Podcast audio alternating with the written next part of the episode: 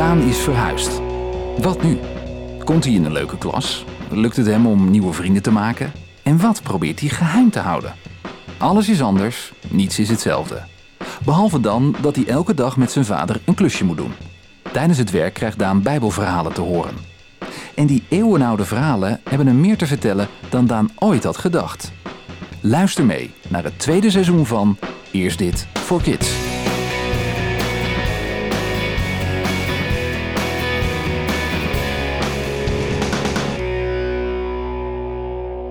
Hey Daan, hoe was het met Bart vandaag? Leuk, ik heb hem ons huis laten zien. En we hebben hem met de bal overgeschopt. Sparta liep in de weg met haar dikke buik en ze kreeg bijna de bal tegen haar aan. Bart zit ook op voetbal. En volgende week fiets ik met hem naar de training. En wist jij trouwens dat een mini-zeepaardje ongeveer zo groot is als je vingernagel? Ja, ja. Dat heb je zeker van Fem. Gelezen in een van haar dierenboeken. Waarom heb jij eigenlijk haar boek al wel uitgepakt en die van mij nog niet? Oké, goed punt. Laten we die dan gelijk even op zijn plek zetten. Pak jij de doos even. Geef maar een klein stapeltje strips tegelijk, zodat ik niet te veel hoef te tillen met mijn pols. Oké.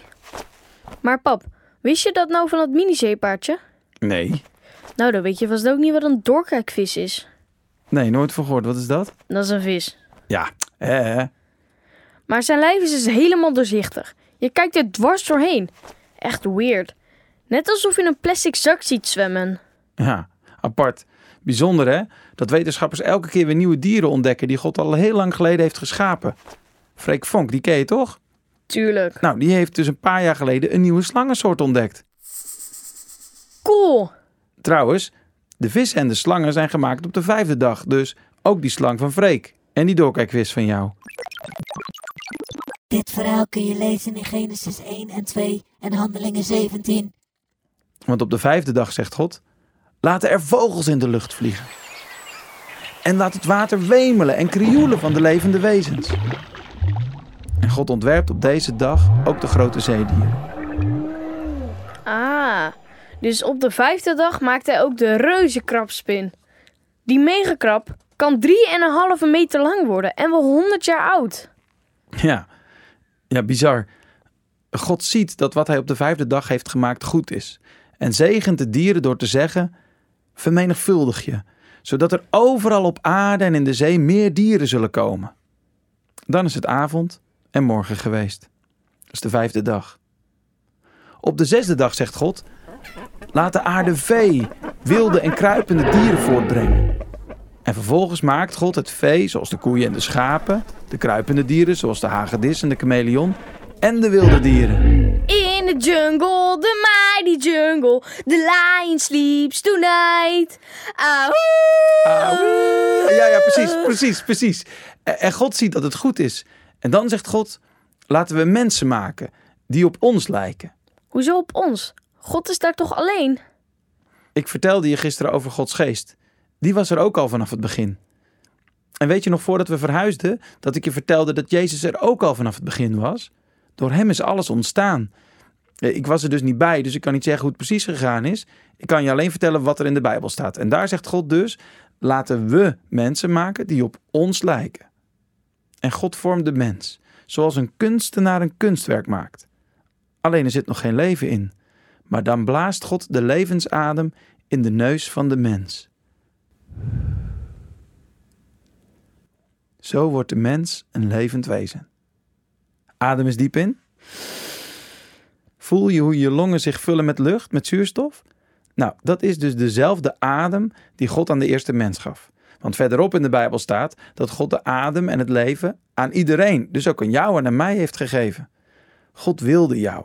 Hij heeft jou gemaakt. Hij heeft jou bewust die adem en het leven gegeven. En God brengt de mens in het land Eden, in een tuin die door God zelf is gemaakt met prachtige bomen vol heerlijke vruchten. En midden in de tuin staan twee bijzondere bomen: de boom van het leven en de boom van de kennis van goed en kwaad. Een rivier, die verderop opsplitst in vier rivieren, geeft water aan de tuin. En een van die rivieren stroomt om een land heen waar de grond vol zit met zuiver goud. Ook zijn er edelstenen te vinden. En trouwens, precies daar waar de mensen denken dat die rivier gestroomd heeft, werd en wordt nu nog steeds heel veel goud gevonden. God brengt de mens dus in de tuin van Eden om erover te waken en ervoor te zorgen. En als het avond is, stapt de mens voor zijn allereerste nacht op de wereld zijn knalrode caravan in. Pap, ik weet hoe de eerste mens heette. Adam. Daar heb je helemaal gelijk in. Zo, geef mij die laatste strips maar eens aan. Pap, Ja, zouden muggen die eerste nacht Adam hebben geprikt? Of konden ze toen nog niet prikken? jongen, goeie vraag. Eh, Ik weet het niet, maar, maar wat ik wel weet is dat dit verhaal nog lang niet is afgelopen. Maar je strips staan weer op de goede plaats, dus deze klus is geklaard. Gelukkig is er morgen weer een. Nou, zeker gelukkig.